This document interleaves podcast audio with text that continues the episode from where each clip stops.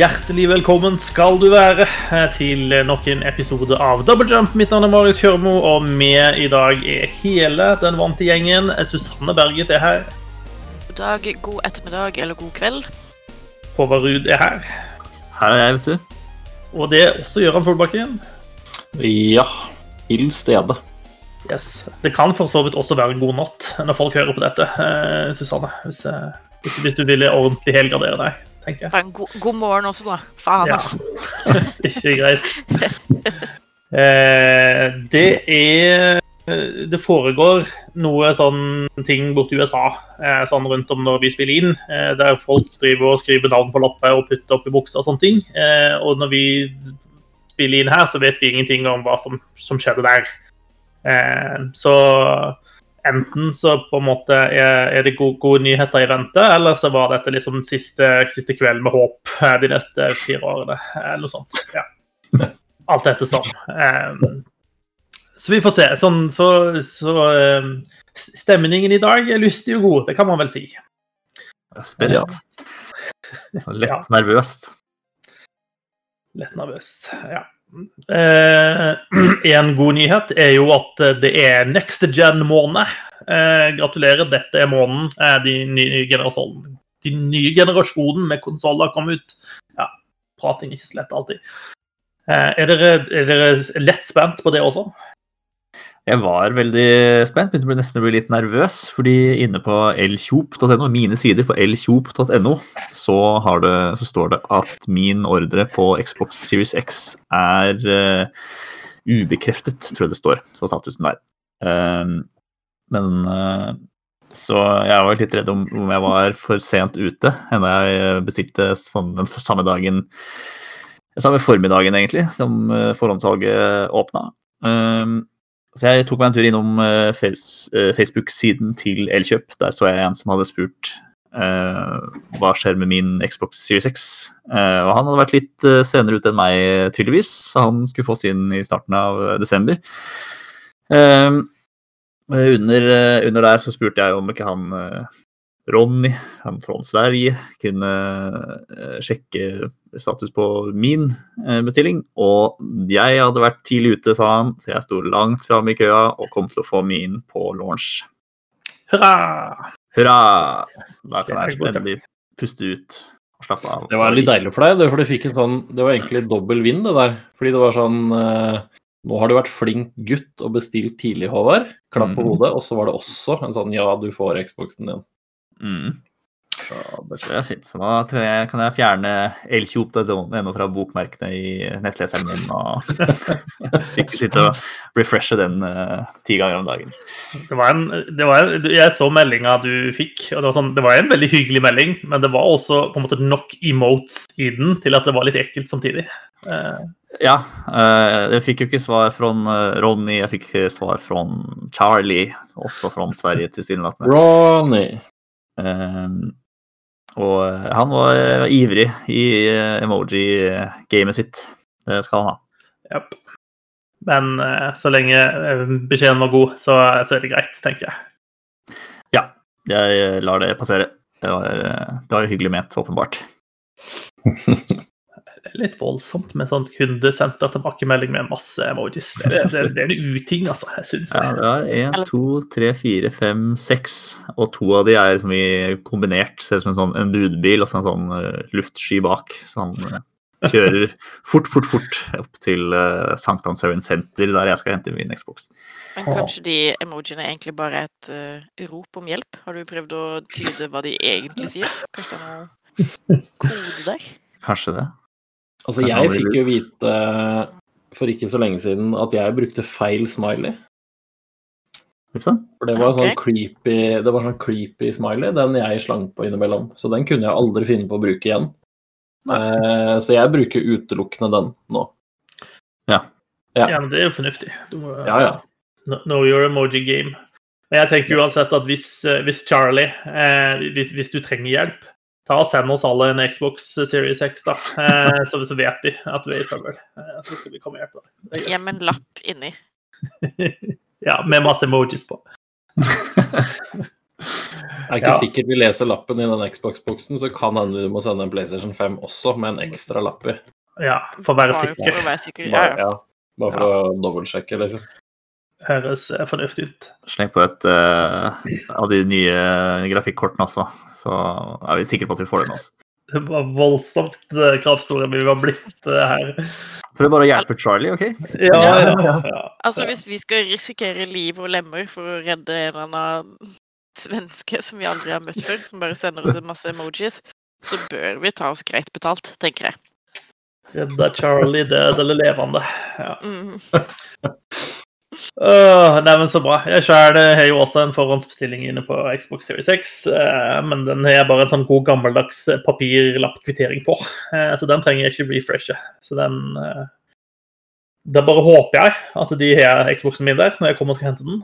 Hvis ikke, så blir det månelyst i fyllingsdalen, det kan jeg si. Altså, jeg ser for meg at du prøver å refreshe den kvitteringslappen uansett. Liksom, tar den frem fra skuffen og rister litt på den, og er sånn Å, står det noe nytt? Står det noe nytt? Ja, men du vet sånn Arkaisk teknologi som, som papir må man være forsiktig med. sant? Sånn at Jeg må ikke ta og brette den opp igjen for, for ofte, for da er det bare å smudge vekk det som står på den. Du har misforstått på Marius med meg du nå, Susanne, for jeg, jeg liker papirkvitteringer, faktisk. Jeg syns det er fint. Kan jeg putte det i en liten sånn plastmappe, og så kan vi ha det inn i permen. Så du lager et fotoalbum med kvitteringer over ting du har kjøpt og bestilt. Så kan jeg sitte og mimre da, ikke sant? Sitte og mimre av gode gamle dager. Ah, det, det, er sånn som her reiseregningene fra 2008 liggende arkivert uh, i en skuff, du. Ja, jeg kan godt ha bildearkivskuffen min, hvis du vil det. Nei, nei, ellers takk. Å, det var en fin tur på Kiwi, det. Det husker jeg godt. Det var ikke Kiwi. Det fantes ikke Kiwi da. Å, ja. ja. Det var når man gikk til eh, For din ungdom så, så var det ikke egentlig butikker heller. Du gikk på marknaden eh, og kjøpte det du trengte rett fra bøndene. Det, Ja, ja, ja. Det var marked på søndager. Da tok du med poteter, og så fikk du egg til bak igjen. yes. Egg og smør med hjem. Ja, ja, ja. Og jeg og Emil. Hvordan, eh, hvordan du endte opp med å spille dataspill, er egentlig ganske pussig, egentlig. Ikke, ikke tenk på det. Nei. Det var sikkert, det var sikkert sånn transition via mye sånn kubb og sånne ting. Kaste hestesko og sånt. Ja, Kasta på stikka. kaste på stikka. Jeg prøver sånn så sakte, men sikkert å vri oss inn på dataspill her. Jeg vet ikke om det var, om det var noe som, som var lett gjennomskuelig her. Um, Du var flink, jeg. Ja, takk. Uh, for vi pleier jo å ha en sånn liten sånn 'hva har folk spilt?'-runde. Uh, men denne uka så har jeg fått inntrykk av at det er litt tynt i hva vi har spilt-rekka. Uh, for det har stort sett vært kasta på spikka hos deg, Gøran. Ja, det har det. Ja. Mm. Jeg har eh, stort sett eh, den lille tiden jeg har eh, hatt til overs, som har gått i spilleting, så har jeg etter, etter at jeg anmeldte Watchdogs, da, så, så så jeg jo ganske fort tendensen til at jeg har vært hakket strengere mot det spillet enn stort sett hele resten av anmelderverden. Med visse Ja. Eh, Så da tenkte jeg shit, har jeg driti meg ut? Har jeg bomma på noe? Så da måtte jeg inn og sjekke. Eh, Spilte i 20 minutter før jeg fant ut at nei, dette er faktisk ganske kjedelig. Eh, Så da har jeg ikke spilt det mer. ja. Eh, ellers så har jeg fyra opp igjen Ghost of Tsushima. Det har jeg jo prata om før også. Jeg har ikke gjort det ferdig, så det er neste mål på tapeten. Så det blir vel ferdig en gang i 2021, tenker jeg. Det blir utsatt. Ja. Ja. Utsatt til 2021. Eh, det er et spill jeg har også lyst til å spille etter hvert, så det, det, det syns jeg virker veldig kult, rett og slett. Det er det. Eh, og du, Håvard, eh, jeg vet du er så vidt begynt på noe som du ikke kan prate om helt ennå. Så du skal få lov, for så vidt få lov å slippe å prate om det, altså. Men, Ja. eh, Jeg tipper vi snakkes om det neste uke. ja. Mm. Men du Håvard, jeg vet at du har spilt noe annet som heter eh, Flex på sosiale medier. Ja. Mm. Ikke hva er dette for noe? Nei, det, det ryktes at han har eh, vært, eh, vært flink gutt. Ja. Jeg har eh, prøvd å Eller si jeg har, lyk, si jeg har lykkes i å ta opp uh, trening. Eller er det de fine, fine sko du Nei, nå tenkte jeg trening. Ja. Mm. Jeg var på trening i, i stad. Der uh, løfta jeg min egen kroppsvekt i markløft. Yes. oi. Jeg fleksa litt, fikk jeg fleksa, fleksa litt i poden, altså. 54 kilo der, altså. Ja. Det er bra jobba. Jeg vet ikke hva som, vet ikke hva som skjedde nå, jeg. Eh, Jeg tror noen prater om fysisk fostring på et eller annet vis. Jeg er ikke kjent med disse begrepene her. ja jeg, har, jeg har fysisk fostret eh, 80 kilo eh, i dag. I ett løft. Stein med det. Ja. Det, gratulerer. Det, det, det er sikkert imponerende. Eh, Jeg syns det er litt gøy, i hvert fall. ja, kult. Hva med deg, Susanne? Er det mye markløfting på deg også, eller? Ja. Jeg fyller en bøtte med mark, og så løfter jeg den. ja. Ja, God sånn halloween-workout. Ja. Eh, anbefales eh, til alle, men husk å ha på lokk, sånn at de ikke kommer seg ut i leiligheten. Eller Altså, du kan kan kaste bøtta på noen du ikke liker etterpå, når du er ferdig. Jeg pleier å tømme de utfor balkongen. Ja. Eh, Det er det ene løftet du gjør. Du løfter Ja. bøtta over, og så heller du ut. altså, du trenger jo ikke å løfte mer enn én gang, og så Nei. eh, har det en innvirkning på musklene dine, tenker jeg. Nei, nei. Her, nå kom jeg på en eh, ganske, ganske sånn ekkel ting, faktisk. Eh, for jeg tok over et hus som jeg har kjøpt. Eh, og det har da stått tomt en stund, og så har det gått fra å være varmt til å bli kaldt. Og da Jeg vet ikke hvorfor, men jeg innbiller meg at det har noe med kulde og varme å gjøre. Så kryper fluer inn i vinduskarmen, og Mm. så legger de deg som, som en sånn lite sånn, eh, sånn hive mind-ball.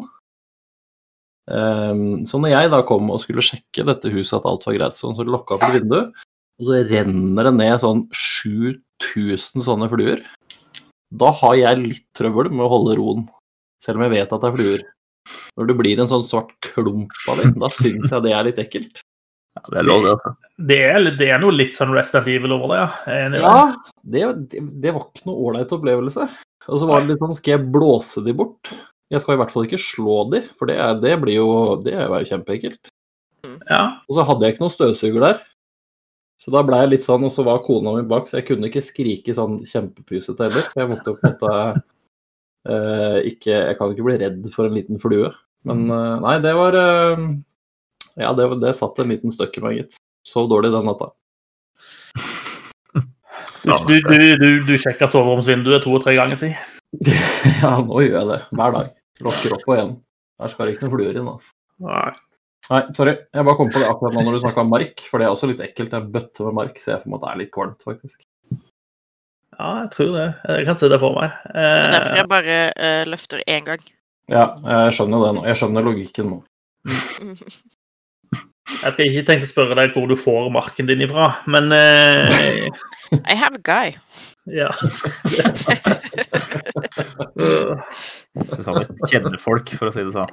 ja, ja, ja. Jeg tror det blir en rar episode. Ja, dette, dette blir veldig rart. Eh, Jeg prøvde så hardt jeg kan å få folk til å prate om dataspill, men det, det var ikke Det gikk ikke denne gangen. Takk for at dere hørte på, folkens. Det- Nei da. Eh, Jeg vet at Susanne har spilt noe halloween-aktig. Stemmer ikke det? Jo, det stemmer. Jeg har eh, kost meg med, med Ublet igjen, som nå har eh, blitt hakket mer uh, skummelt. Med den nye Nullware-oppdateringa. Som, uh, som låser opp en ny plass du kan reise til, og en haug med nye skumle Ublets. Uh, og det er veldig kos. Er det, er det faktisk skummelt, eller er det egentlig bare sånn cutesy-cute uh, skummelt? Altså, det er jo ublet, så det er jo bare cutesy cute. Uh, ja. Du får jo hull i tennene av det, på en måte. Og ikke fordi du spiser for mye halloween-godteri. Eh, som du for øvrig også kan samle inn nå i spillet. Du kan få med deg en sånn liten gresskarbøtte, og så kan du gå og plage alle innbyggerne i Badgetown eh, og spørre om de har godteri. Noen har det, andre er litt sånn eh, fuck off, Har de, ikke lest uh, siste covid-reglene i Ublitz, eller? Har ikke det. Eh, nei. Nei. Men det er jo en, eh, en, en øy, tror jeg. Så du får ikke så mye liksom utenfra folk.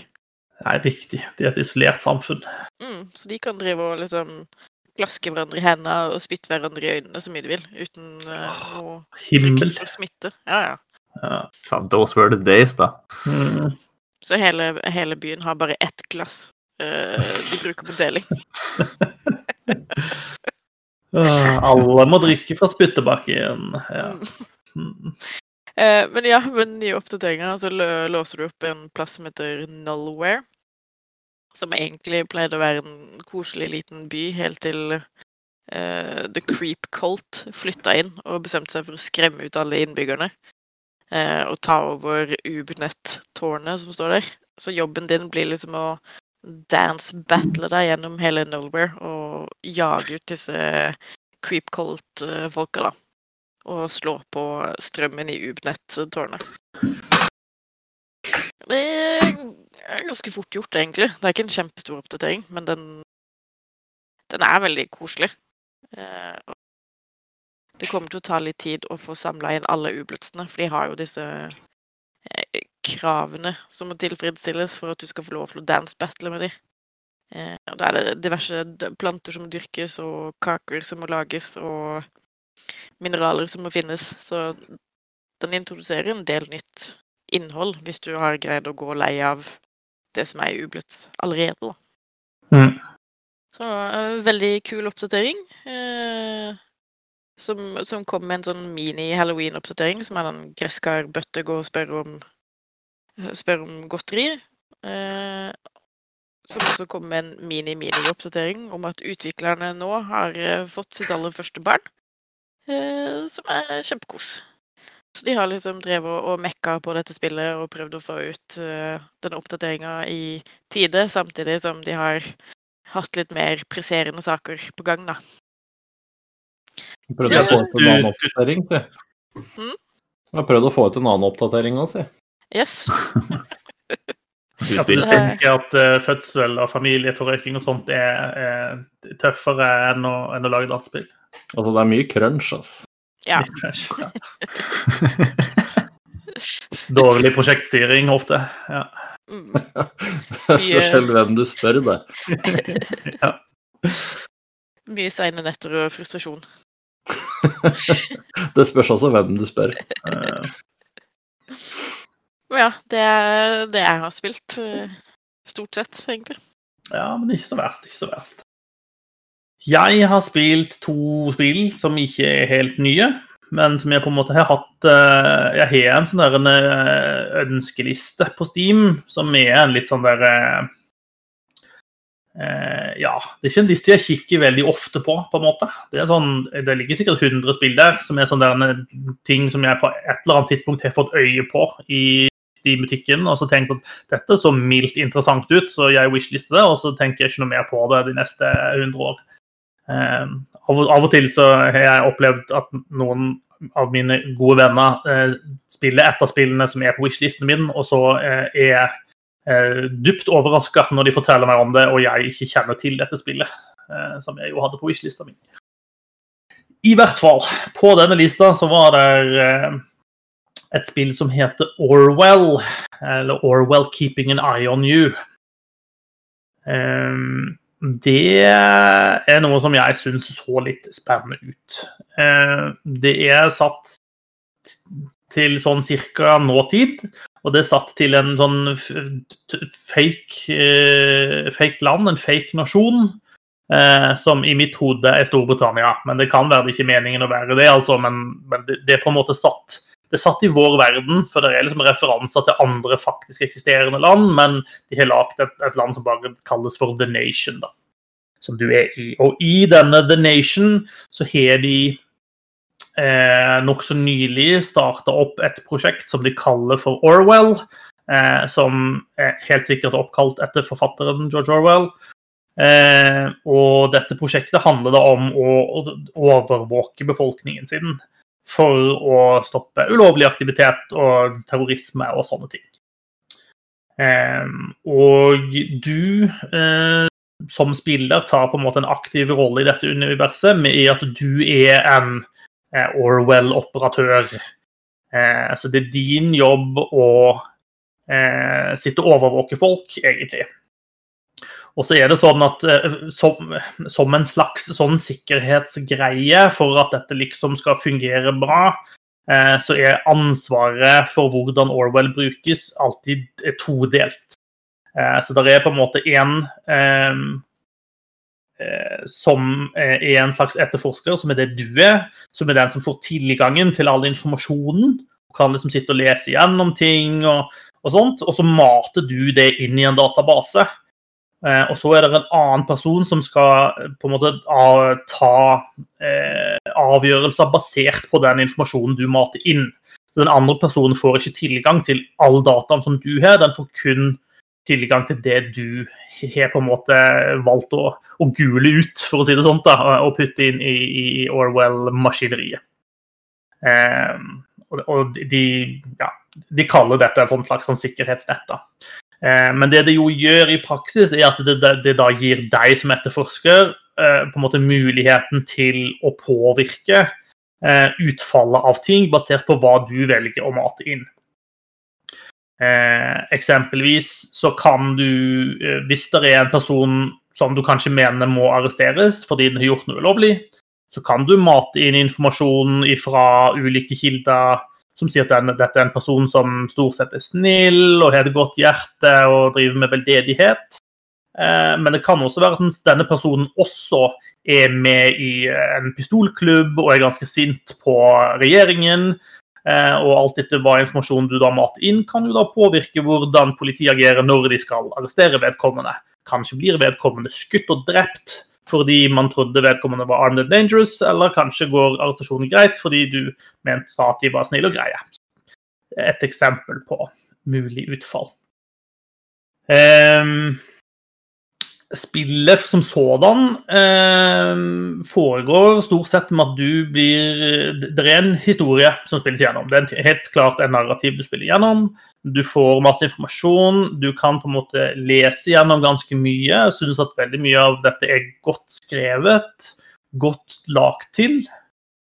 Eh, og du får liksom trålt igjennom ulike typer informasjon. Du får liksom sett noe som tilsvarer liksom Facebook-siden til folk. Etter hvert du, kan du få tilgang til å sjekke datamaskinen til folk og sjekke mobiltelefonen til folk.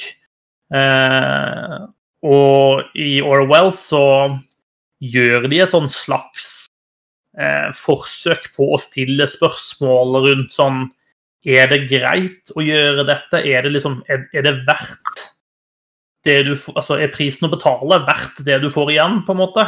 Eh, men jeg syns ikke de gjør en kjempegod jobb på en måte i å legge frem de negative sidene ved, ved overvåking, annet enn at du, du, kan fucke opp ting hvis du gjør ting feil, på en måte. Um, så, så, egentlig så føles det som om det er ganske gøy å være den som sitter og får all informasjonen og får den innsikten i folk. Overhøre eh, telefonsamtaler og sånne ting, og så agere på det. Eh, men de gjør ikke en veldig god jobb i å stille liksom, de kritiske spørsmålene som man kanskje hadde forventa fra et spill som heter Orwell, og som handler om overvåking. da. men hvis du ser bort fra det, og ikke velger å se på det som en sånn veldig samfunnskritisk sak, og heller velger å se på det som et litt sånn lettbeint underholdningsprodukt, så er det faktisk ganske gøy. Orwell, 'Keeping an Eye on You' spilte jeg gjennom på rundt ca. 4 12 timer. Um, det, og jeg spilte det vel i én setting, tror jeg. Um, og det, det, er ganske engasjerende, og du, er, du, blir ganske fort investert i disse menneskene som du eh, driver og leser om, og som du driver og liksom nøster opp ny informasjon om. Eh, og det er på en måte rom for kreativitet da, i hvordan du går frem, og hvordan du eh, Hva slags informasjon du klarer å finne. Eh, men det er, ikke, det er ikke et kjempevanskelig spill, men det er samtidig ikke alltid åpenbart. Eh, kanskje til og med det er ofte Det er sjelden åpenbart hva som blir eh, konsekvensene av det du mater inn, da. Eh, noen ting er de litt sånn tydelige på, men det aller beste er litt sånn du, du mata inn det du fant fordi du trodde du skulle være flink, og så skjedde det noe, og tenker du det var ikke kanskje helt det jeg tenkte skulle skje, men det var det som skjedde. Eh, men det er gøy eh, hvis noen f.eks. har spilt eh, et eh, brettspill som heter Detective, så er dette litt sånn som det, bare singleplayer-versjon, på en måte. Eh, så det er ganske artig. Og så vet jeg også, jeg satt de første sånn tre timene så satt jeg liksom og tenkte at dette er ganske kult. Og så er det ganske avslappende, for det er ikke noe sånn tidsaspekt eller sånt noe i det. Og så satt jeg og tenkte at det, det, burde, det, burde, det nesten være. Det burde nesten være en mekanikk for akkurat å liksom legge litt mer press på deg, da. Eh, og så kom den mekanikken liksom mot slutten av spillet, og liksom mot endgame. Men de gjør det på en ganske god måte, sånn at istedenfor at det er en timer som tikker ned, eller noe sånt, så eh, det, det, du gjør, er å samle sammen data points, er det de kaller det. Og så gir den deg et begrensa antall data points du kan fòre inn i systemet isteden. Sånn, nå har vi dårlig tid, vi kommer bare til å rekke å gå gjennom ti nye data points, så bruk, bruk informasjonen din for det det er verdt. Eh, og det syns jeg fungerte veldig bra for en person som meg, som hater å bli stressa. Eh, så, så, kunne jeg på en måte føle det liksom presset på at ok, nå er jeg nødt til å være nøye og gjøre dette riktig, samtidig som jeg hadde god tid til å gå gjennom all informasjonen, som tross alt er det som er gøy i spillet. Jeg syns dette var så artig at jeg umiddelbart etter spillet var ferdig, også kjøpte meg oppfølgeren, som heter Orwell Ignorance is Strength. Um, og det er stort sett mer av det samme, og det er stort sett bra. Det tok meg ca. fire timer å spille gjennom oppfølgeren også. Eh, og den er satt i samme universet, eh, sånn at den bygger på en måte på ting du kjenner igjen fra det første spillet. Og den har også en slags eh, crossover-funksjon. Eh, når du har spilt gjennom det første spillet, så kan du koble din nye game i, i toeren opp mot save-fila di fra eneren. Eh, fordi at tidsaspektet på historien i Orwell 2 eh, er, foregår mer eller mindre samtidig som det som skjer i Orwell 1. Eh, og du blir hele tiden oppdatert med liksom, avisutklipp og sånne ting om hva som skjer i verden. Og de tingene du da fikk til å skje i eneren, de vil da også skje i toeren. Eh, så den, den, biten var litt kul, men jeg hadde egentlig forventa at det skulle være mer eh, crossover når de på en måte allerede hadde lagt til rette for det. Men det ble en litt sånn flavor-ting, og det var for så vidt greit nok. Eh, Toeren bygger videre på det som er styrken i spillet, og den har også, det virker som de har litt mer budsjett eh, i toeren.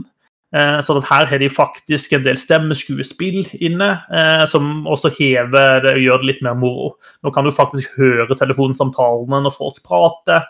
Eh, det er det litt sånn type halvpolitiske taler, litt sånne ting som du får høre. og Det setter deg litt mer inn i denne verden. Så jeg kan egentlig sterkt anbefale de to spillene. Det, jeg syns det var kjempeartig. Eh, og jeg er veldig klar for hva mer eh, de kommer til å lage fremover. Eh. Jeg kan si meg enig. Jeg har bare spilt det første spillet, men det syns jeg var morsomt òg. Ja. det spilte jeg på mobil tidligere i år, faktisk. Ja. Mm. Ikke verst. Jeg spilte det på PC, det funka i hvert fall uh, veldig godt der. Men jeg ser for meg at det kan funke på mobil også. Ja. Jeg hadde ikke noen store problemer med det. Jeg, ja, jeg spilte det vel på iPad, kanskje, hvis ikke jeg husker helt feil. Mm. Mm. Ja, men det er morsomt. Jeg syns også det var uh, Jeg synes også det var et gøy spill. Yep. Det første, da, jeg veit ikke om oppfølgeren har kommet der enda, det er jeg ikke sikker på. Men det første spillet er i hvert fall tilgjengelig på, på mobilen. Så det, det, kan i hvert fall anbefales hvis du vil ha noe som er litt sånn kort og lettbeint, men allikevel noe man lever seg godt inn i og får en, en, en fin payoff etter en eh, fire timers tid. Um, så var det gøy. Jepp. Så bra. Og det er stort sett det det har gått i. Det har vært en sånn halloween-event i Elder Scrolls Online som jeg har satt og fikla en del med. Eh, drept masse bosses for å få special loot og sånt. Eh, men jeg syns egentlig den eventen var litt kjedelig. Men i dag, i pratende stund, så kom det en ny DLC ut til eh, Elder Scrolls Online, og den gleder jeg meg til å hoppe inn i. For der får vi liksom avslutningen på det som de kalte Dark Heart of Skyrim-historien. Eh, som liksom har gått igjennom hele året, da. Som starta med noen oppdateringer tidlig i år, og så kom den som store eh, Greymore-utvidelsen, som, som satte inn Western Skyrim. og og du fikk hele den historien selvfølgelig med, og så er dette den, denne delscenen heter Markarth, eh, og gir da avslutningen på den. Så det, det, gleder jeg meg til å hoppe i. Kanskje mer om det allerede neste uke. Vi får se. Så gøy. Yes. Um, vi skal ha bokklubb, men jeg tenker først så hopper vi inn og tar litt nyheter. Så kommer vi tilbake til bokklubben til slutten av sendinga. Uh, og jeg tror jeg har lyst til å starte i Halo-land. Uh, for vi har jo noen her som har stått og spilt litt Halo-spill for å liksom gjøre seg klar til Halo Infinite. Eh, men Halo Infinite, der har det vært mye trøbbel, altså. Eh, og der er mange av liksom de som har hatt hovedansvar for det spillet, har rett og slett måttet finne seg andre ting å gjøre. Og den siste, siste mannen ut var, var, Chris Lee, som var game director. Måtte ut. Uh, og tidligere så har uh, Altså, Chris Lee har stepped back from Infinite, men er fortsatt ansatt i Microsoft. og angivelig så skal det være grunnen til det være rett og slett den dårlige mottagelsen som Halo Infinite fikk når det ble vist frem i sommer. Eh, og tidligere så har eh, en creative lead eh, måtte gå av, og dens etterfølger måtte også, forsvant også ut eh, av 343 Industries det, og alle rapportene tyder på at dette spillet har hatt en ganske trøblete produksjon. Eh, det er jo utsatt til 2021. Det skulle jo være et launch-spill til Xbox Series X. Hva, hva, skal vi tro om dette? Er det Jeg skjønner jo at de ikke syns at de kan slippe et uh, mediokert uh, Halo-spill uh, når det liksom skal være flaggskipet på den nye konsollen. Men de slapp jo Halo 4, så så store problemer kan de ikke ha med det. Ja, det blir jo litt nervøs, da. Uh, litt nervøs. Uh, ja, pessimistisk, kanskje. Uh, det er jo ikke et veldig bra tegn. Det er jo ikke det. Nei, det, trygt, det kan man trygt si. At det er så mye gjennomtrekk, og man bytter ut folk hele tiden. Det, men sånn er det jo uansett hva det er. Man ser jo det på filminnspillinger også, hvis det er mye gjennomgang der. Så ender det jo ikke opp med å bli en veldig bra film til slutt. Ofte, ofte ikke. Ofte ikke. Eh, og det Jeg så de eh, Det er jo noen som har fått sånn tidlig utgave av Xbox Series X, eh, og på baksiden av boksen så er det sånn stort eh, bilde av Master Chief eh, fra Halo Infinite. Eh, så det, mye tyder jo på at det var planen hele veien, at dette skulle liksom være release-tittelen som skulle ta folk med storm. Mm det, sånn blir det jo ikke. Eh, verken en eller andre måten nå, da. Men eh, vi får håpe at når spillet kommer ut, så har de fått retta opp på ting, sånn at det, eh, det blir gøy. Men mye kan jo tyde på at det rett og slett er eh, altså Det nesten er den, den kreative eller den overordna visjonen for spillet som på en måte er litt sånn feilslått. Ikke fikk den mottagelsen man ville ha, og at Kanskje må de inn og gjøre fundamentale endringer for å rette på det. Jeg vet ikke. Problemet var vel uh, først og fremst at det så litt sånn grafisk utdatert ut i den traileren som ble vist fram. Uh, ja. Og det er jo veldig kjedelig når du skal pushe en uh, helt ny konsoll som gjør et mye større sprang enn konsollen har gjort noen gang. eller i hvert fall på veldig lenge. Uh, så skjønner jeg jo at uh, det er forventninger til at det skal se uh, bra ut. Sjøl om uh, grafikk ikke avgjør om et spill er gøy, da. Men eh, jeg syns også det blir himla dumt å dømme så mye på de første trailerne, på en måte. Fordi de Mm. lages jo gjerne før, lenge før spillet er ferdig. Ja. Så, så den grafikken de viser frem der, er jo ikke nødvendigvis representativ for grafikken som faktisk er i spillet. Eh, Nei, men litt, litt Samtidig så, så Ja. tenker jeg jo at det kan være lurt for 343 Industries å bare senke forventningene til, til Halo Infinite litt. Sånn at folk blir positivt overraska når de faktisk spiller det, istedenfor å hype det opp til hule helvete. Og så spiller man det, og så er man litt sånn eh, is, is this it? Hei, hei, hei. Altså, det ser ikke ut som det gjorde i traileren, derfor er dette spillet feil.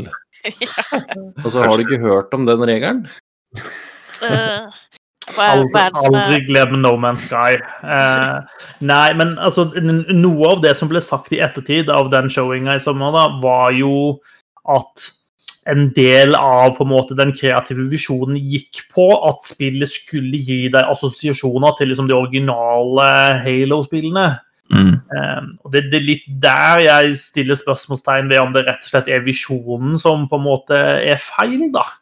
Uh, at det, det så ut sånn fordi det var det de prøvde. De ønska at det skulle se ut sånn. Ikke fordi at den delen ikke var, push, var liksom ferdig oppussa ennå. For stort sett, når de viser frem noe på type E3, så viser de frem noe helt eget som er som spesiallaga for E3 og skal være klar for public consumption du får ikke se bare et sånn tilfeldig slice av spillet der de er nå.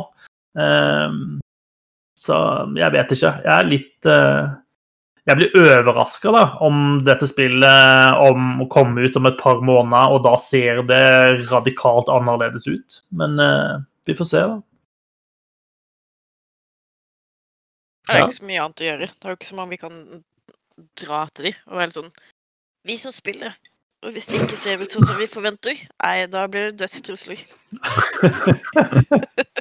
Jeg har molotov i, stu, i, i stua. Mhm. Klær. Ja, jeg vet ikke. Jeg tenker at Jeg, Jeg vet ikke er- Er folk så ihuga Halo-fans? Det er sikkert noen av de. Ja, det er jo fortsatt noen Halo Boys der ute, kan jeg se for meg. Ja, sikkert noen.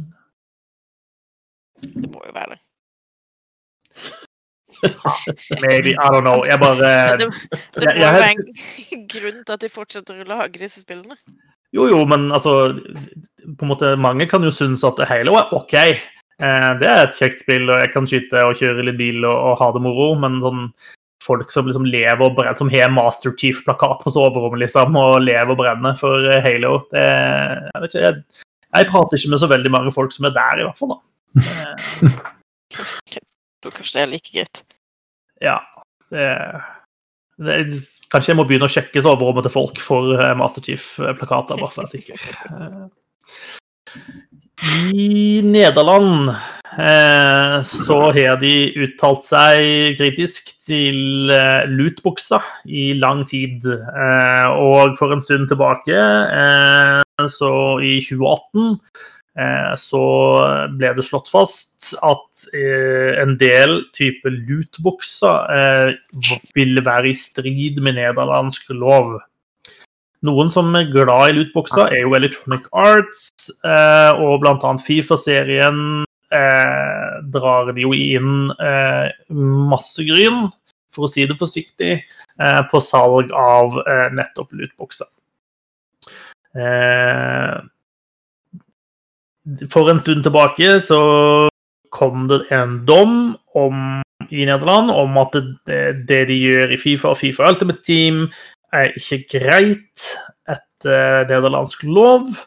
Og nå har altså EA anka den dommen, og nå har en annen domstol eh, slått fast at eh, jo, denne dommen står ved lag, og EA må betale masse penger i bot og må slutte med dette her. Eh, men eh, EA er i gang med å anke dette videre høyere opp i systemet, da. Eh, I Belgia er det jo allerede eh, på en måte strengt forut. Der har vel også eh, EA måttet gjøre endringer i Fifa, fordi de har ikke fått lov til å gjøre det på samme måte. Hvis Nederland nå også følger på, eller så nærmer vi oss slutten for lootboxer, eller ender vi på en måte bare opp med et en, et eller annet sånn workaround-system som gjør at de kan fortsette som før, bare på en litt annen måte. Jeg tipper Ja. det siste. Det tror jeg òg. Samme her. Mm. Definitivt det siste. De kommer til å finne et loophole, eller bare kalle det noe annet enn lootboxer, og så finne på et eller annet sånn koselig navn på hele systemet, og så fortsetter de som før. Det har jo tradisjonelt vist seg vanskelig å få has på denne typen ting. Eh, Det er jo litt sånn eh, I Japan har man ganske strenge begrensninger på pengespill og på gambling og sånt. Der har man jo fått en sånn enorm oppvåkning av en sånn pachinko-kultur. Eh, hvis du går på Pachinko, er det sånn et slags putte... putt eh, Husker dere sånn gamle sånn type myntspill? Eh, du kunne putte mynter på, og så når det datt Mm. ned flere mynter, og sånt, så de datt på riktig sted, så kunne du vinne penger. Pachinko er litt det samme, bare i stedet for mynter så er det baller. Eh, eller sånn jeg, kule. det var det jeg kalte dataspill det når jeg vokste opp. Ja. Eh, og i hvert fall, du, du, du kan ikke betale disse pachinko-maskinene med penger. Eh, du er nødt til å bruke eh, sånne tøysepenger, holdt jeg på å si. Eh, eh, In game currency. ja, om du vil. Sånn, hva det heter sånn som du bruker i, eh, i eh, kortspill og sånt. Eh, du bruker chips, liksom. Mm. Eh, det, i, I praksis det, da. Så hvis du er på en arkadehall, så må du bruke ekte penger på å kjøpe chips, og så kan du gamble med chips. Og så kan du vinne chips på pachinko-maskinen, og så kan du cashe de ut igjen i penger etterpå. Og da har man på et eller annet vis omgått disse pengereglene, selv om det er, effekten er nøyaktig den samme. Det er ganske rart. Ehm, det er, også, det er også lov å røyke inne på disse pachinko-hallene. Jeg vil ikke anbefale å besøke de. Det var ganske fælt å være der når jeg var innom en sånn en i Tokyo. i hvert fall. Eh, Men ja, poenget er uansett at eh, de som driver med disse tingene, de er ganske flinke til å finne akkurat disse loop-hullene. Eh, Så jeg er ikke heller sånn kjempepositiv til at eh, vi nå står overfor en sånn stor revolusjon, eh, og at eh, spillagerne kommer til å gjøre ting totalt annerledes enn det de har gjort før. Nei. Sorry, ass, men det, blir, det skjer ikke. Nei, det spørs. det spørs, Og vi, vi forbrukere pøser jo inn penger på Ultimate Team, så jeg mener vi får jo det vi ber om, sånn sett. Ja. Eh, det dukka plutselig opp en Nintendo Direct her for en liten uke siden. Eh, der det var litt forskjellige ting som ble vist frem. Eh, jeg så den ikke sjøl, men jeg har plukket opp et par saker derfra. Eh, det ene er et lite spill som heter Hyrule Warriors Age of Calamity. Som er en Er det riktig? Det er en slags prequel til Breath of the Wild, stemmer ikke det? Ja. Eh, og det, Før Breath of the Wild. yes, og det spillet kan du nå prøve en gratis demo for på Switchen din. Tilgjengelig nå. Eh, Så det kan jeg jo anbefale folk å sjekke ut. Eh, Få se litt av hva det spillet går i. Eh, Og de avslørte også at både Control og Hitman 3 kommer til Nintendo Switch via The Power of the Cloud. Eh, skybasert gaming er noe som Nintendo har drevet på med i en stund, men bare det kunne vært tilgjengelig i Japan, eh, der man har kunnet spille spill som Fantasy Star Online 2, Assassin's Creed Odyssey og Resident Evil 7. Nå skal dette altså rulles ut eh, over hele verden, eh, bl.a. da med eh, Control Ultimate Edition Cloud Version og Hitman 3 Cloud Version. Eh, Er dette veien å gå for Nintendo til å kjempe mot eh, de andre Så hva, hva, hva skal du med en Xbox Series X hvis eh, Switchen din spiller de samme spillene bare via skyen? Nei, det er helt riktig, Catch det. Du må jo ha en av hver. Altså, konsoller er som Pokémons. Uff, ja. Ja, jeg vet ikke. Jeg vi er jo spent på hvor godt det fungerer, da. Det er jo på en måte det første punktet. Eh, at, at noe At noe Altså, streames. ja, Til syvende og sist altså, handler streaming om input lag, ikke sant. Det kommer til et punkt, og så er det faktisk det viktigste. Input lag og, og hvordan overføringa funker. Så jeg, Når jeg testa Jeg testa bare den der GeForce Live-greiene, så funka det Jeg syns jo det funka veldig bra. Eh, men det er jo ikke kult å spille typ et, et bilspill eller noe sånt, og så vet du at du må svinge ca. 0,7 sekunder før spillhjernen din sier at du skal svinge. Den er, den er liksom Og den, den må de fikse, ellers så kommer det ikke til å funke, liksom. Jepp. Men det er jo Jeg, jeg tenker jo sånn for, for Switchen at de begynner å låse opp den greia der. For Control er ikke et så gammelt spill som alle de andre spillene som kommer på Switch er. Så hvis de greier å løse de greiene her, så er jo det Det er jo helt gull for den plattformen. Absolutt. Og Hitman 3 har jo ikke kommet ut ennå. Det er jo et helt rykende ferskt Ja. sant? Så, så det er litt av hvis de kan klare å rulle ut uh, på en måte nye spill samtidig som de kommer på de andre konsollene, så vil jo det kanskje kunne hjelpe Nintendo til å, å holde på spillerne sine, da. Uh. Jeg holder på et bredere antall spillere, i hvert fall, som ikke bare spiller Pikmin 3, f.eks. For eksempel. Jeg det tror jeg det Nei, det er veldig bra. Jeg syns hele den der cloud gaming-greiene er veldig spennende, altså. Det er veldig Det blir gøy å se hvordan hvor man er om seks måneder eller et år akkurat der. Ja. Jeg tipper eh, Microsoft vil uh, havne et hestehode foran de andre der ganske tidlig.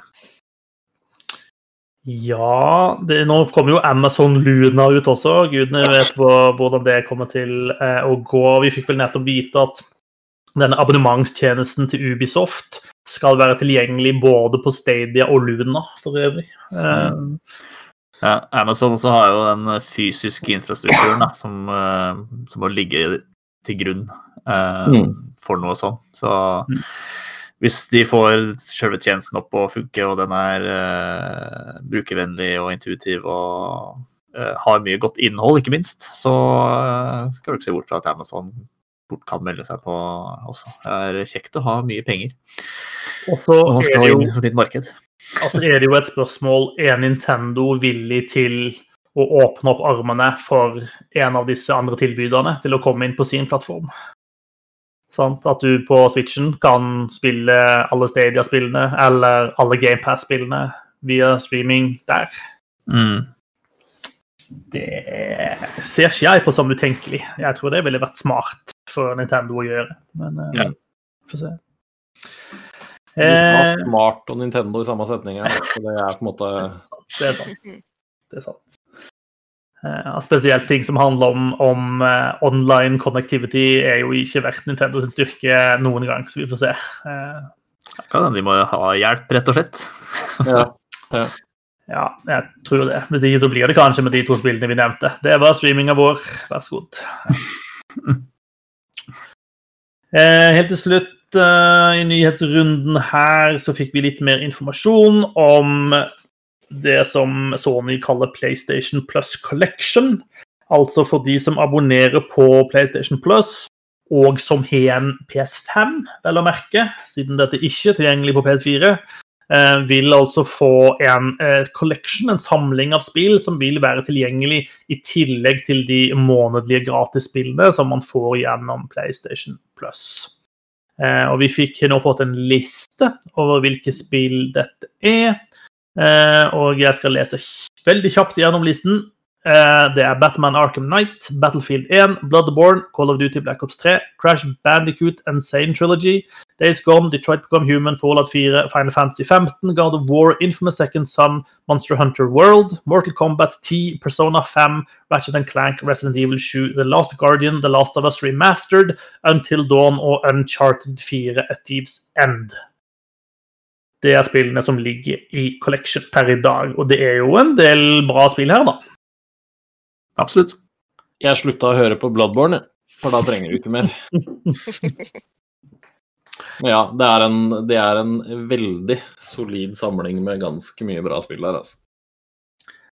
Ja, Det, er ikke, det føles ikke som at det er veldig mye filler, da. Det føles som om det er, sånn, det er høy kvalitet på det aller meste på den lista. Da var Days Gone, da. Og kanskje litt diskuterbart om det er bra eller ikke. Men eh, vi skal ikke gå inn på den nå. Jo da, men det er vel, eh, det er vel i hvert fall et eh, Triple A-spill, i det minste.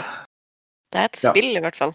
Det, det er ikke liksom Jo, jo, men det er ikke liksom Monster Energies uh, Halloween Challenge til 14, liksom. Altså, det Mot- Motocross. whatever.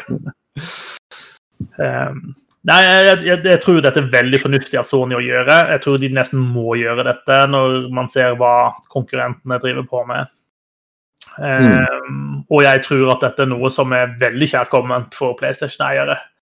Uh, og det å vite at du har en liten bank med spill der når du kjøper en ny konsoll, er jo veldig greit. Og så er det jo samtidig litt dumt at hvis du blir værende på PlayStation 4 en stund og betaler den samme summen i PlayStation Plus-abonnementet ditt som PlayStation 5-eiere gjør, så får du ikke dette.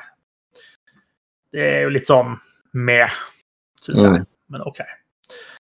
Eh, Sony sier også at eh, man vil kunne se performance improvements eh, på disse spillene når man spiller de på PlayStation 5. Eh, og at de vil være inkorporert i på en måte nye systemer som, som PlayStation 5 bruker, bl.a. et sånn game help system som skal gi deg tips og sånt inn i spillet eh, for, for alle disse spillene. Så cool, I guess. Uh, uansett bra å ha litt spill å velge i med en gang du får en ny konsoll, eh, og ikke sitte der med det ene spillet som liksom du har tilgang til. Så that's cool. Ja. Så er det tid for bokklubb, folkens. Så vi har Mm. spilt et spill i lag, eller ikke i lag, hver for oss, men samme spill, eh, de siste to ukene. Så hva er det vi har spilt, Gøran? Ja, vi har spilt et spill som jeg har snakka om tidligere på podkasten, som heter Genshin Impact. Det er et spill som er gratis. Det får du på PlayStation 4 og PC og mobiltelefon. Det er cross save fra PC til mobil, men ikke over på PlayStation på noen som helst måte. Jeg tror det var også tilgjengelig på Switch. Ja, det kan hende det er, ja. Mm. Ja, det vet jeg. Det har ikke jeg sjekka, faktisk. Kanskje. Eh, jo, det er et åpen verden rollespill-ish, eh, der du eh, inntar rollen som en eller annen sånn anonym eh, traveler, et eller annet eh, Skjebnen vil at du skal bli noen større type person. Og så er det en historie du slåss mot noen drager, du samler et lag med andre helter eller diverse, diverse folk. Ehm, så slåss du mot monstre, samler inn sopp og blomster og lager mat og klatrer og utforsker og alt mulig. Det er veldig Selda-inspirert, en del av det, og så er det veldig mye ekstra i tillegg til det. Det var sånn kort fortalt åssen spill det er. Ja. jeg. Ja. Og du har jo er- tidligere pratet om dette, og du, du liker jo dette veldig godt. Ja, jeg syns det er gøy. Jeg syns det er ehm, Jeg syns det er ukomplisert å sette seg ned og spille det spillet her noen timer.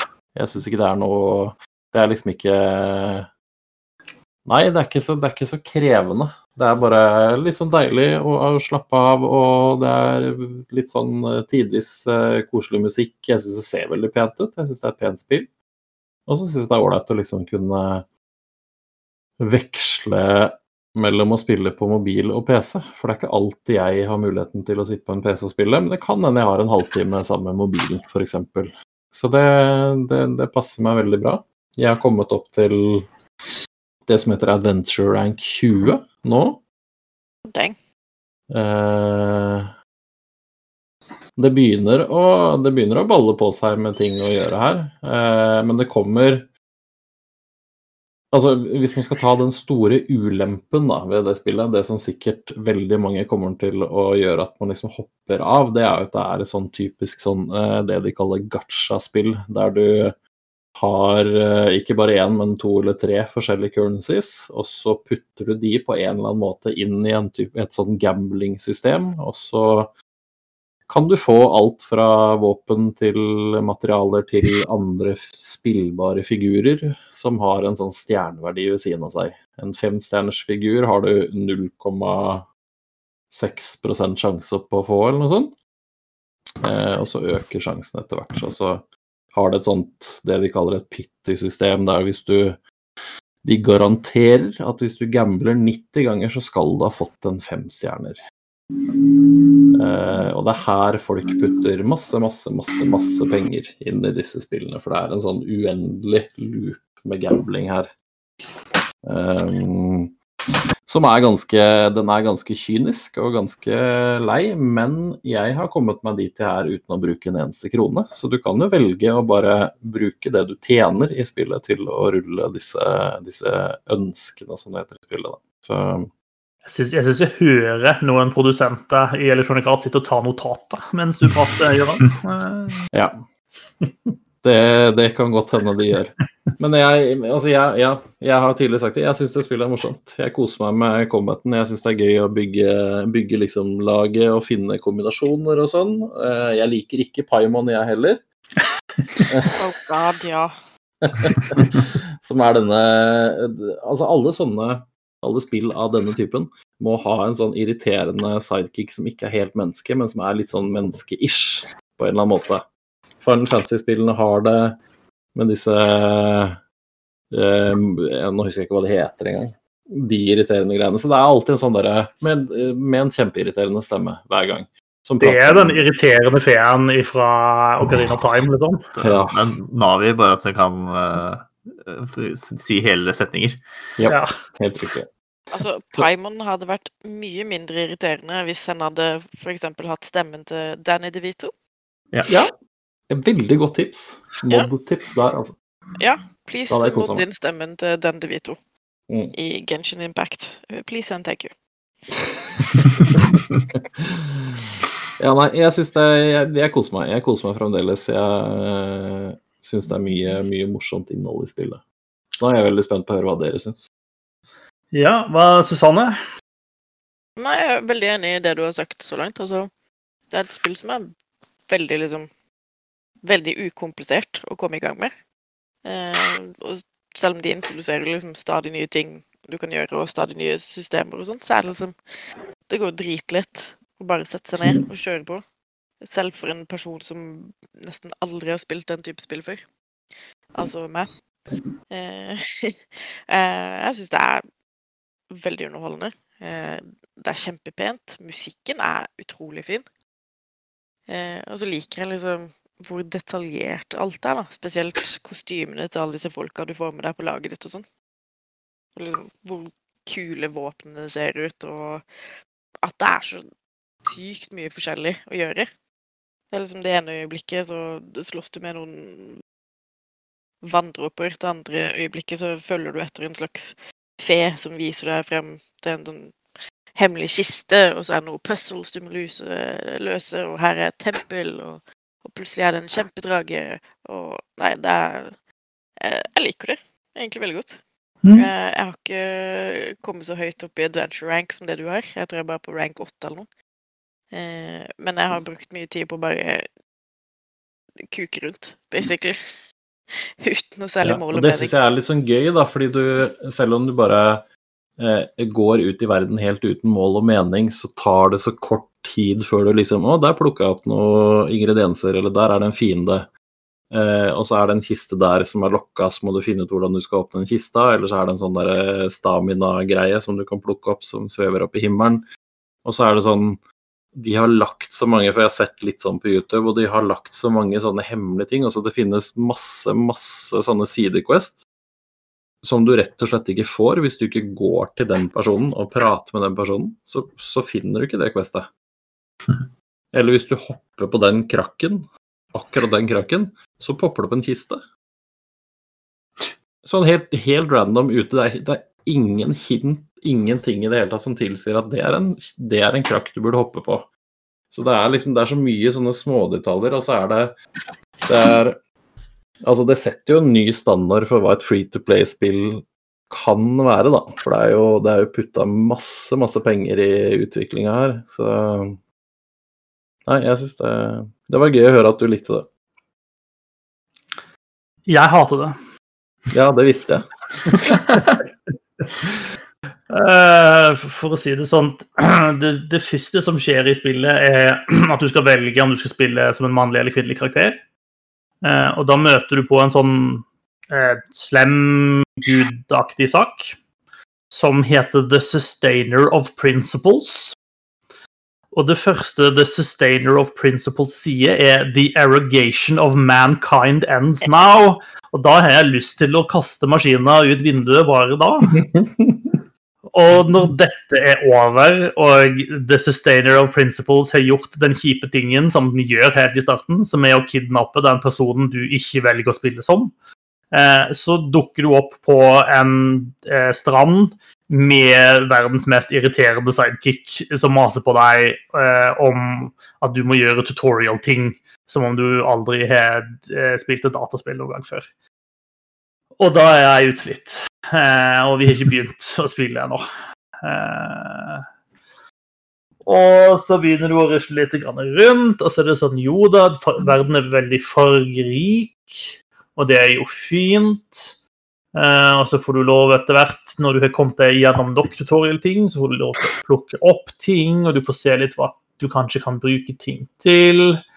Så begynner du å lære deg om noe magisystem med noen sånne eh, pilarer som gir magi, og som er basert på elementer.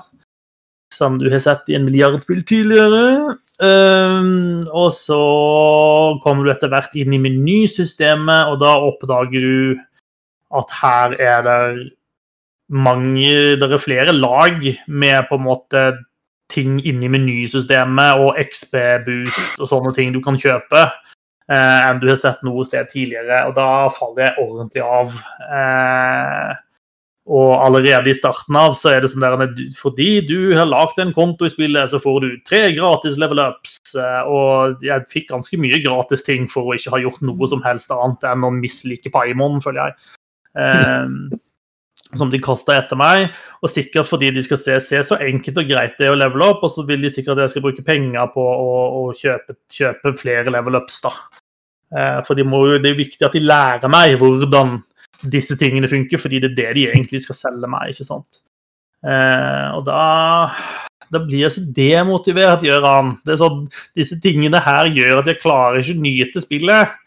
Eh, og så syns ikke jeg at spillet var kjempegøy i seg sjøl heller, men de tingene der på en måte bare de skyggelegger alt for meg. Gjør at jeg føler at jeg egentlig Sjøl om spillet var gøy, så føler jeg jeg sitter inne i den der røykfullt Arkade-pachinko-hallen i Tokyo når jeg skal spille ja. noe som er gøy.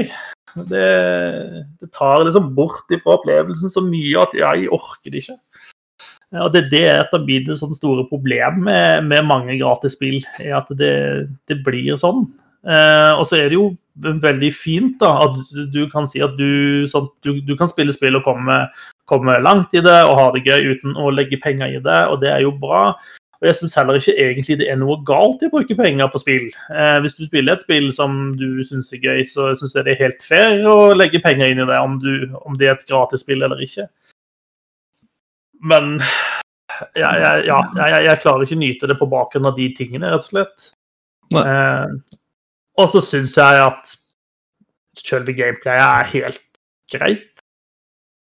Men ikke noe mer enn det heller, på en måte. Sånn, ja, det er fin musikk, og, og det er fint, og gresset svaier flott, og, og, det er liksom det er god stemning i spillet. Og så er det disse rare anime-karakterene som gjør rare anime-ting, som man jo blitt ganske vant med etter hvert. Men ja, nei, jeg, jeg klarte ikke å bli solgt, altså. Det gjorde jeg ikke. Jeg nei, du liker bare... ikke morsomme ting, du, Marius. Nei, du er bare en uh, 14 gammel fis som lager alt. Det, det, det, det, er ikke det første til å beskrive meg i ordelag. Det, det er ikke nok.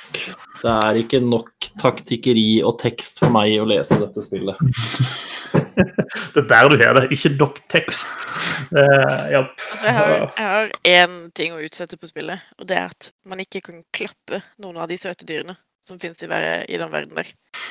Selv ikke den hunden som er inne i byen. Uh, du kan slå den med sverdet ditt, andre kan du. Det, er litt det gjør man jo ikke. Det gjør man jo ikke. Det gjør man ved et uhell. Og gjør man det ved et uhell, så vil man helst ikke dømmes for det. Det er en veldig fin uh, Twitter-konto som er ganske kjent, som heter Can you pet the dog? Mm. Eh, som tar for seg dataspill eh, og stiller det enkle spørsmålet om du kan klappe hunden. Den kontoen har på en måte blitt, ganske, blitt litt sånn mimete, da, men den har jo fått eh, nesten en halv million følgere og blitt ganske kjent. Så etter hvert så er det jo sånn at utviklere er kjent med den og på en måte en, en, nærmest endre spillene sine sånn at du kan pette dog pga. på grunn av den eh, kontoen. Eh, jeg leste et intervju med han bak den nettopp for øvrig. Eh, men eh, Kanskje det er greia til Genshin Impact, at du må kjøpe det. Access til å klappe. Oh, that's how they get you. Mm -hmm. Pet Petable Dog eh, premium version. Mm. Ja, nå skjønner jeg hvordan han amerikaneren greide å brenne av 2000 dollar på det spillet i løpet av en helg. Ja. Ja. Yes. Hva sier du, Håvard? Jeg ligger nok et sted mellom deg og Gøran, tenker jeg. Eh, Jeg syns jo det ligner jo veldig på eh, Breath of the Wild, som er et spill som jeg liker uh, kjempegodt. Um, og det er litt sånn som som Gøran sier, at det er veldig, og Susanne for den saks skyld, at det er, liksom, det er gøy å løpe rundt i verden og, og bare oppdage den neste tingen man har lyst til å gjøre, så kan man gjøre det. Ehm, så er det litt morsomt at du sier at du er på level, eller eh, hva heter det, adventure rank 20, og du har eh, masse å gjøre. For jeg fikk, eh, det siste jeg gjorde før jeg slutta sist, var jo at jeg fikk beskjed om at nå har ikke du mer å gjøre du før du går opp en adventure rank. Da får ikke jeg spille mer. Jeg får spille, men jeg får neste liksom, kapittel med oppdrag og quests. Det er forbeholdt de som har bikka adventure rank 8. og Jeg er så vidt eh, 7. Um, og så syns jeg eh, sånn, alt sånn menysystem og sånn uh, artifacts som du kan equippe, og sånn syns jeg blir bare Det syns jeg det er litt overveldende, alt man kan gjøre i menyene der, og det brukes alle kort for å XP-boost og Ja, jeg vil bare spille spillet. Eh, Gå rundt og banke skurker og på, på forskjellige måter. Med ismagi eller strømmagi eller hva det skal være. Ja. Men det, men det ser bra ut, så det Jeg vil si det er jo også ganske gøy å, å, å kjempe med fiendene og skurkene og sånn, og de alle, alle figurene har en sånn ult, nærmest, da, som du må, må charge opp. Um, og så er uh, Ja, eh, det er, noen av de liker jeg jeg liker mye bedre å spille som noen av karakterene enn de andre, for å si det sånn. Men hvem vi er bare sånn, Det, er litt- det syns jeg er gøy, da, som er litt sånn nerd i det spillet. Hvilke figurer har du fått der som er bra? Eh, nei, vi har jo hun med pil og bua. Amber? Amber, ja. Og så har jeg han Isfyren. Ja, Kaia? Mm. Og strømdama. Lisa. Ja, ok. De har jeg, det er de fire jeg har låst opp så langt. Samme her. Ja. Same. Dere har ikke rulla noe sånne ønsker enda? Få Jo. figurer? Nei, eller jeg, jeg har eh, Det er kanskje ikke et ønske, det, da. Jeg prata med en sånn Statue of the Seven, men det er kanskje noe annet, det. Ja, nei. Det er eh, Der booster du staminaen din og, og sånn. Ja. Mm. Skjønner du? Det er så mye det er så mye spillet her, så du skjønner ikke hva du holder på med engang. Ja, nei. Jeg, ja, det, det kan hende jeg er mer vant til, men jeg syns jeg, jeg syns ikke det var så vanskelig å få grep om disse systemene, jeg. Men jeg er også med Jeg er jo vant til at man f.eks. bruker sånne XB, altså bøker, da, til å Mhm. levele opp en figur. Uh, og ikke bare få XB via spilling, f.eks. Så ja. Ja Mm. Hvis du er som Gøran, så digger du Genshin Impact. Hvis du er som meg, så gjør du ikke. Eh, og kanskje er det sannsynlig at du er et eller annet sted midt imellom. Det er godt tenkelig. Det Eh, beste ved det spillet er at det koster, for å finne ut av hvem du er. det koster ingenting, da. Å sjekke det. ikke, det koster ikke penger. Nei. Tid og eh, mental capacity, derimot, det er noe annet. Uh, ja. Uansett, hva syns du om Genshin Impact? Vi vil gjerne høre hva du syns også. Uh, Så gi oss gjerne en lyd på sosiale medier om det. Uh, Neste bokklubb vi skal ha, da skal vi spille Day of the Tentacle Remastered. Over de neste to ukene. Det er et spill som nettopp ble lagt til på GamePass. Hvis du har lyst til å være med og spille det, så inviterer vi deg gladelig med på det. Det er jo en gammel klassiker som jeg husker som utrolig artig, men jeg har ikke spilt spillet på år og dag, så jeg er veldig spent på returen tilbake til, til the Tentacle. Det tror jeg blir artig. Eh, vi går inn for landing for denne sendinga.